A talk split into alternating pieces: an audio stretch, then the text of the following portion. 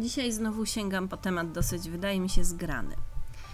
Ale wszyscy zgodnie pisaliście w komentarzach, że nie przeszkadza Wam, jeśli temat jest już mocno ograny, a ten jest dosyć atrakcyjny, wydaje mi się, więc będę dzisiaj opowiadać o Roxolanie. Roxolanie mogliście słyszeć, nawet jeśli nie w Waszych podróżach literackich, to y, oglądając na przykład bardzo znaną turecką telenowelę Wspaniałe Stulecie, która była o między innymi dworze Sulejmana Wspaniałego, gdzie oczywiście występowała Roxolana, czyli najukochańsza żona e, władcy imperium. Sulejman Wspaniały mm, to był, rządził Imperium Osmańskim w, między, w latach 1520-1566 i zapisał się w historii, oczywiście dosyć mocno. E, Także jak, nie tylko jako wielki zdobywca, co jest takim eufemizmem na podbijanie ludów im prawdopodobnie rzezie, ale także jako reformator e, finansów, e, administracji kraju. Był też bardzo wrażliwy na sztukę, na poezję. Nie kłóciło się to w żaden sposób z utrzymywaniem haremu. E, No, było, nie było niewolnic seksualnych. Zacznijmy od tego, kim była e, w ogóle Roxolana, zwana także Hurrem, która zawładnęła sercem sułtana, e, a także jego dworem, całym życiem pałacowym. Podobno miała też jakiś wpływ na politykę. Jeśli chodzi o wygląd, to najważniejsza jej taka cecha, która się jakby rzuca w oczy, zwłaszcza we wszystkich tworzeniach popkulturowych, to to, że chórem Roxolana miała rude włosy. Była podobno bardzo drobna, e, bardzo charakterystyczna i oczywiście e, była białą branką. To, co ją połączyło prawdopodobnie z Sulejmanem, e, to było także nie tylko rzecz jasna wygląd, wygląd i jakieś erotyczne zauroczenie, ale także jej miłość do poezji. Nie wiem, czy udawana, czy prawdziwa. A Sulejman wrażliwy na wierszyki był mocno. Możemy o niej mówić, mimo że mówimy o XVI wieku, który jest raczej takim momentem w dziejach, który nie jest jakoś e, dziko dokładnie udokumentowany, ale ponieważ istnieje dużo listów Roxolany, która e, była bardzo inteligentną kobietą, szybko nauczyła się zresztą języka, także pisała w języku arabskim, to możemy całkiem sporo się o niej dowiedzieć, choć jeśli chodzi o to, skąd pochodziła dokładnie, to opieramy się wyłącznie na przypuszczeniach i zaraz Wam o tym opowiem.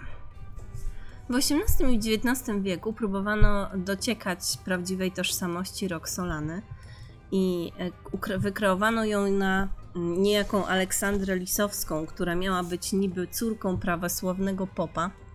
E, Jednak jej prawdziwe imię i nazwisko, to znaczy to nadane na chrzcie, powiedzmy, e, nie jest tak naprawdę na 100% znane i nigdzie nie zostało e, zapisane w jej czasach. Zatem te spekulacje możemy, możemy w nie wierzyć lub nie, bo, ale nie ma żadnych źródeł, więc są odrobinę wyssane z palca. Prawdopodobnie służyły wyłącznie temu, by przedstawić ją jako kogoś wyjątkowego, więc zrobiono z niej córkę popa. Z pewnością jednak trafiła do haremu osmańskiego przed rokiem 1520, mm, bo wtedy urodziła władcy pierwszego syna.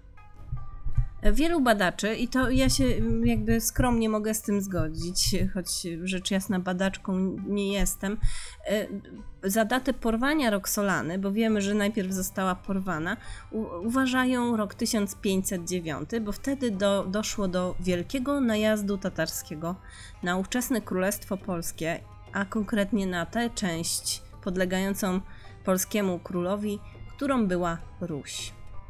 Między innymi okolice Rochatynia, z którego prawdopodobnie Roxolana pochodziła.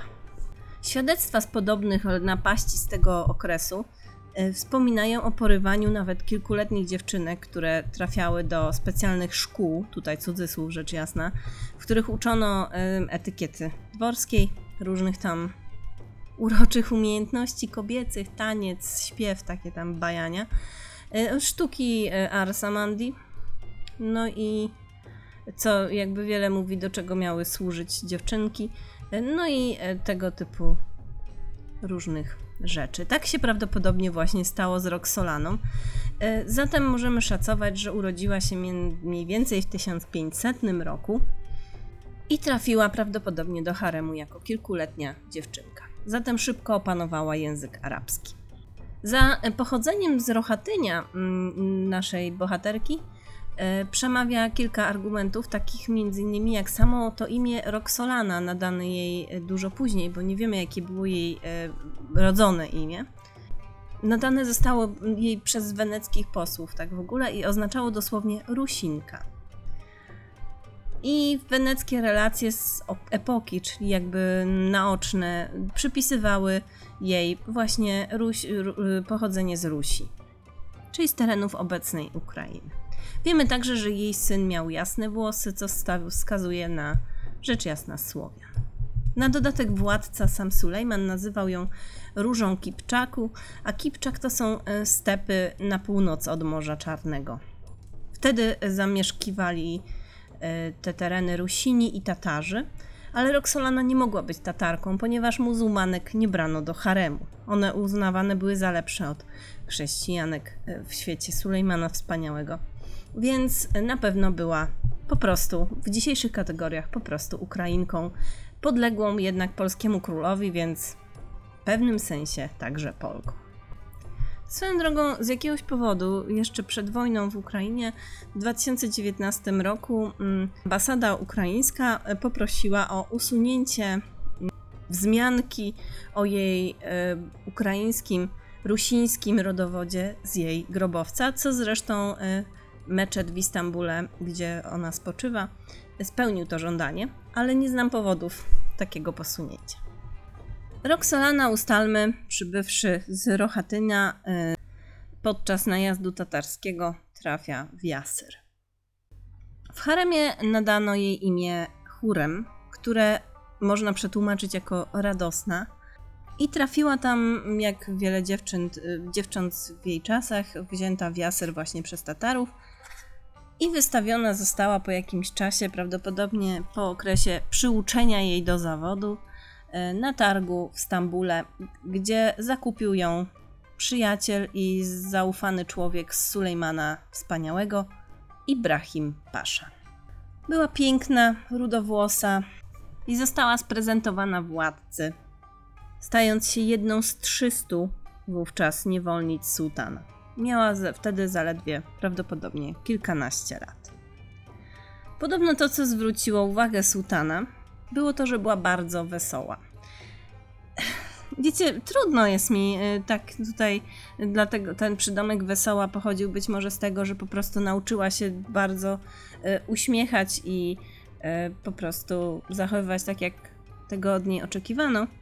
Ale bądźmy szczerzy, była to mała dziewczynka, która została ukształtowana na niewolnicę po porwaniu przez Tatarów. To musiał być absolutny horror i jakieś e, mechanizmy, które wykształciła, sprawiły, że nauczyła się poruszać w tym środowisku tak, by po prostu ocalić swoje życie. W każdym razie w pewnym momencie udało jej się awansować z, z niewolnicy na, na żonę Sulejmana. I do tego, musimy przyznać, e, potrzeba było nie, nie lada inteligencji, e, bo pewna przebiegłość, e, by jednak trafić tak wysoko, na pewno była konieczna. Ślub odbył się mm, Sulejmana z Roxolaną, odbył się w 1534 roku. Zapewne tuż po śmierci matki Sulejmana, Hafizy, która prawdopodobnie nie chciałaby jego ślubu z niewolnicą. I e, wtedy mogła stać się także najważniejszą kobietą w jego życiu, bo matka e, w, tam, w kulturze osmańskiej była jednakowoż zawsze ważniejsza od żony. Więc dopiero po śmierci matki mogła Roxolana objąć e, dobre stanowisko. Kiedy wyszła za Sulejmana, to oczywiście natychmiast wszyscy zaczęli jej pochlebiać.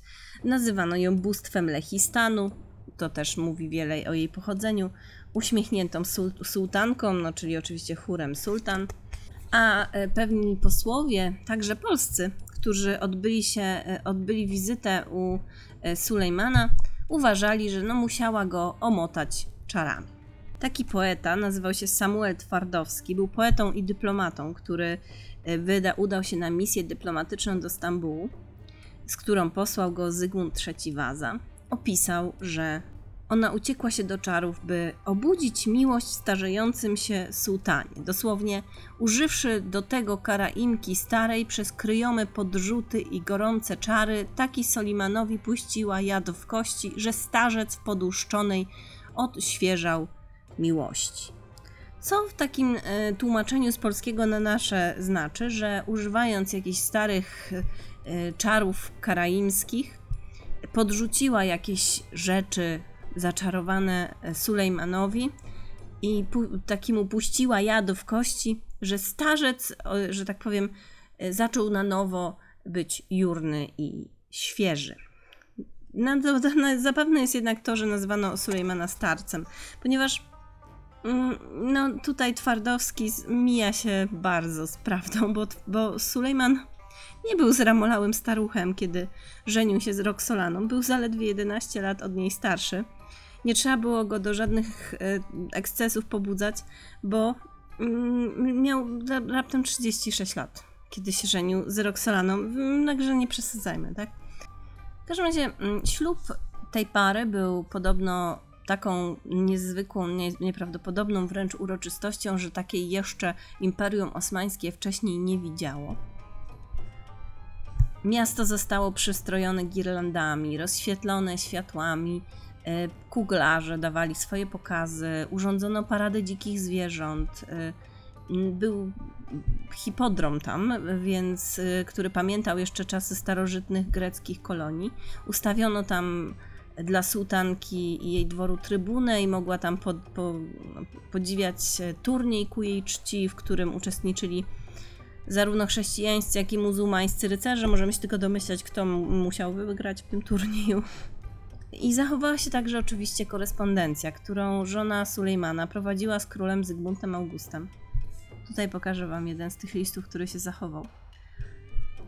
I ona bardzo z dużą życzliwością odnosiła się do polskich królów, ponieważ była prawdopodobnie ich poddaną. Przesłała Zygmuntowi Augustowi kondolencje po śmierci Zygmunta Starego, życzenia długiego, szczęśliwego życia, a także prezenty: chusteczki, ręczniki, koszule i kalesony. Y, wspaniałe, oryginalne, osmańskie kalesony. Nie wiem, pewnie były spokojne. Istnieje oczywiście teoria, że łagodna polityka Sulejmana wobec Polski mogła wynikać z wpływu Roxolany. Wydaje mi się to całkiem prawdopodobne, która czuła jednak silne związki z ziemią rodzinną. E, mogły to być również względy polityczne, oczywiście, ale wydaje mi się, że ponieważ napięcie między mm, Europą a e, Wschodem było wtedy dosyć spore, a Polska była w stosunkowo dobrych e, stosunkach z Imperium Osmańskim, być może była to zasługa naszej branki. Swoją drogą, e, ja zanim dojdę do tego, co tam jeszcze Roxolana odpękała w pałacach, to przyznać jej trzeba, że podsumowując jej jakby osiągnięcia już dorosłego życia, pomijając skrytobójstwo, do którego za chwilę dojdę, to była ona bardzo oddaną fundatorką budowli religijnych, jako pierwsza kobieta w Turcji zresztą, głównie meczetów i szkół koranicznych, no bo oczywiście musiała przejść na islam, tu żeby była jasność. Y, no i podobno też mocno wspierała biednych. Ale zacznijmy od tego, że chórem nasza Roxolana urodziła władcy czworo dzieci. Jedną córkę i trzech synów. Jej pozycja znacznie wzrosła po tym, jak urodziła pierwszego syna, Abdullaha. Na dodatek po, e, sprawiła, i to już było, to już musiało być osiągnięcie, sprawiła, że sułtan nie obcował, tak to nazwijmy delikatnie, z innymi kobietami e, po zawarciu małżeństwa z Roxolaną. Mało tego, ona postarała się, by no, niewolnice z haremu znalazły sobie mężów, znaczy sama im wyszukiwała mężów i w ogóle zajęcie, by była jedyną kobietą w łożu sułtana. To było sprytne posunięcie, ponieważ wiedziała, że jej pozycja zależy od tego, czy ktoś po prostu nie zajmie jej miejsca. Na dodatek, to, y, jej całe działania były obliczone na to, by utrzymać przy życiu swoje potomstwo. Otóż y, zależało jej, by na tronie w przyszłości zasiadł jej syn, a nie syn pierwszej żony Sulejmana, Mustafa, ponieważ kiedy sułtan umierał, nie obowiązywała zasada pierworództwa i każdy uznany przez sułtana syn miał prawo do tronu. Musiał tylko wykazać, że jest lepszy od innych. I był to rodzaj pewnej wojny domowej, takiego turnieju, w którym przegrani byli właściwie zabijani. Oczywiście nie był to otwarty turniej, nie, chodzi, nie szli na hipodrom, by się napierdalać tam na gołe klaty, ale po prostu y, stosowano bardziej subtelne metody, takie jak wynajęci mordercy i trucizny. Po prostu wszyscy się zgadzali, że zwycięzca ma prawo dokonać egzekucji pozostałych braci. No więc zapewniając władzę swojemu potomkowi, Ro- Roxolana walczyła o jego życie. Uważano, że oczywiście mm, zamordowanie pozostałych pretendentów do tronu także jest gwarantem pokoju w kraju, bo nie powstanie wojna domowa, więc e, wszyscy się godzili z takim porządkiem rzeczy, ale Roxolana jako matka chciała utrzymać przy życiu swojego syna. Córki były dosyć bezpieczne. Z kolei matka Mustafy, tego pierworodnego e, syna, ta inna żona Sulejmana, no bo Roxana nie była jedyną żoną też. Matka Mustafy próbowała walczyć o prawa swojego dziecka, bo wiedziała, że jej dziecko, jej Mustafa jest także zagrożony, kiedy Roxolana, e, Roxolany wpływy rosły. Pewnego dnia matka Mustafy po prostu napadła na Roxolanę. Pobiła ją, szarpała za włosy, podrapała jej twarz i wtedy nasza chórem zamknęła się w swoich komnatach. I, I to było dosyć ryzykowne. Odmówiła intymnych i właściwie każdych spotkań z sułtanem. A to nie było dozwolone, musicie wiedzieć, e, bo równie dobrze mogła stracić głowę, ponieważ odmówienie łoża sułtanowi mogło być wyrokiem śmierci, bo nieposłuszne nałożnice i faworyty topiono wtedy w Bosforze. Sulejman jednak, zobaczywszy jak ją potraktowała jego pierwsza żona, zgodził się ją uznać za pierwszą żonę i przyznał jej współudział we władzy. Jednym słowem, e, napad na Roxolanę odbił się matce pierworodnego Mustafy czkawką. Kiedy ta e, uzyskała wpływy takie, jakie powinna mieć pierwsza żona, szybko ruszyła do ofensywy, by jak najszybciej zapewnić miejsca na tronie swoim dzieciom. Szybko pozbyła się z, do, z dworu Mustafy, pierworodnego syna. Z, y, namówiła sułtana prawdopodobnie, by uczynił go gubernatorem Manisy i ten razem ze swoją matką, tą, która go napadła, po prostu opuścił Stambuł. Jakby mm, zniknął z oczu, co już było sporą zaletą. Był też inny syn, Mehmed, z innej kobiety, którego uznał Sulejman we wcześniejszych latach i w wyniku intryg Roxolany został zamordowany. Więc tutaj nagle nasza Roxolana jawi się nie tylko jako cwana, wytrawna uwodzicielka, ale także jako morderczyni, która zrobi wszystko, by ocalić swoje dzieci. Roxolana postanowiła jeszcze ostrzej zagrać. Pamiętacie tego przyjaciela sułtana, wezyra Ibrahima, który podarował Roxolanę sułtanowi? To był przyjaciel sułtana, który w wyniku knowań Roxolany został uznany za zdrajcę i stracony. Kolejna osoba, która mogła mieć olbrzymi wpływ na y, sułtana, usunięta została z drogi Roxolany. Pamiętamy jednak, że Mustafa nadal żyje. Nie ma go co prawda w Stambule, ale jest gdzieś tam dalej z matką i Roxolana, nabrawszy wiatru w żagle, uznaje, że jednak musi pozbyć się także i jego. Dogaduje się z pewnym fałszerzem, który fałszuje list Mustafy do szacha perskiego o pomoc w zorganizowanie spisku przeciwko swojemu ojcu. List trafia oczywiście przypadkiem w ręce Sulejmana i Mustafa płaci za to życiem. Nie uduszony przez kata. E, Duszono cięciwą z łuku, by nie przelać krwi książęcej. Taki był przywilej zabijania krewnych. Wszyscy inni mogli zostać ścięci, e, duszeni byli jednak krewni Sulejmana i do tego także doprowadziła Roxolana. Nie dożyła co prawda momentu, w którym jej syn obrał, objął tron.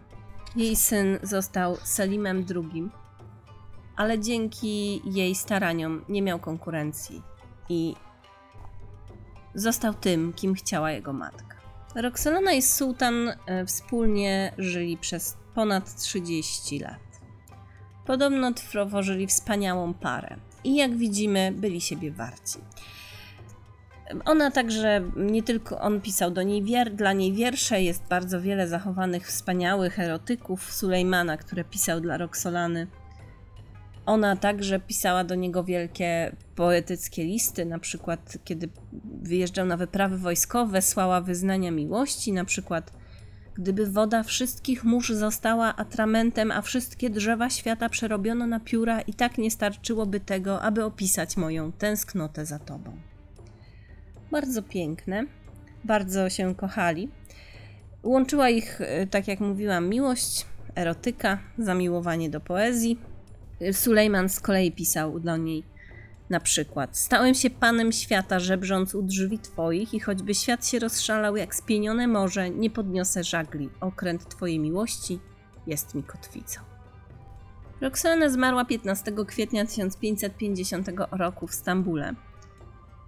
Tak jak mówiłam, nie doczekawszy objęcia tronu przez swego syna, no ale y, tenże objął go, kiedy jej już na świecie nie było. Została pochowana mauzoleum wśród mu róż w meczecie Sulejmana. Jeśli chodzi o losy jej dzieci, to tak. Jej najstarszy syn Abdullah zmarł w dzieciństwie, prawdopodobnie na ospę prawdziwą. Trzej następni, Selim, Bayezid i Jinhangir, dożyli wieku dorosłego. Tyle, że Jinhangir, yy, i tu są dwie wersje, albo zginął na wojnie, albo został, e, albo popełnił samobójstwo. Z żalu po śmierci przyrodniego brata Mustafy, z którym był bardzo związany. Tego Mustafy, którego kazała stracić jego matka. Bajezyt z kolei został stracony w 1562 roku wraz, wraz ze swoimi synami na rozkaz swojego brata Selima, tego, który został sułtanem i następcą swego ojca i zgodnie z obyczajem musiał zamordować swoich następców. Selim zapisał się w historii jako jeden z najgorszych sułtanów. Zyskał przydomek Mest, czyli pijak, ponieważ miał olbrzymią skłonność do alkoholu. Być może jakieś rusińskie geny, słowiańskie, od, od, e, obudziły się tutaj w naszym Selimie. Sulejman Wspaniały zmarł 8 lat po Roxolanie, ale do końca życia wspominał ją i nigdy już nie pokochał podobno żadnej innej kobiety. Jeśli chodzi o córkę Roxolany, która zresztą była oczkiem w głowie Sulejmana, Mirimach, rządziła ona haremem swojego brata, Selima, sułtana imperium. I tak, branka turecka sprawiła, że że małe rude dziewczątko porwane z jakiegoś ruskiego stepu wprowadziło do dynastii Imperium Osmańskiego swoje małe blond geny.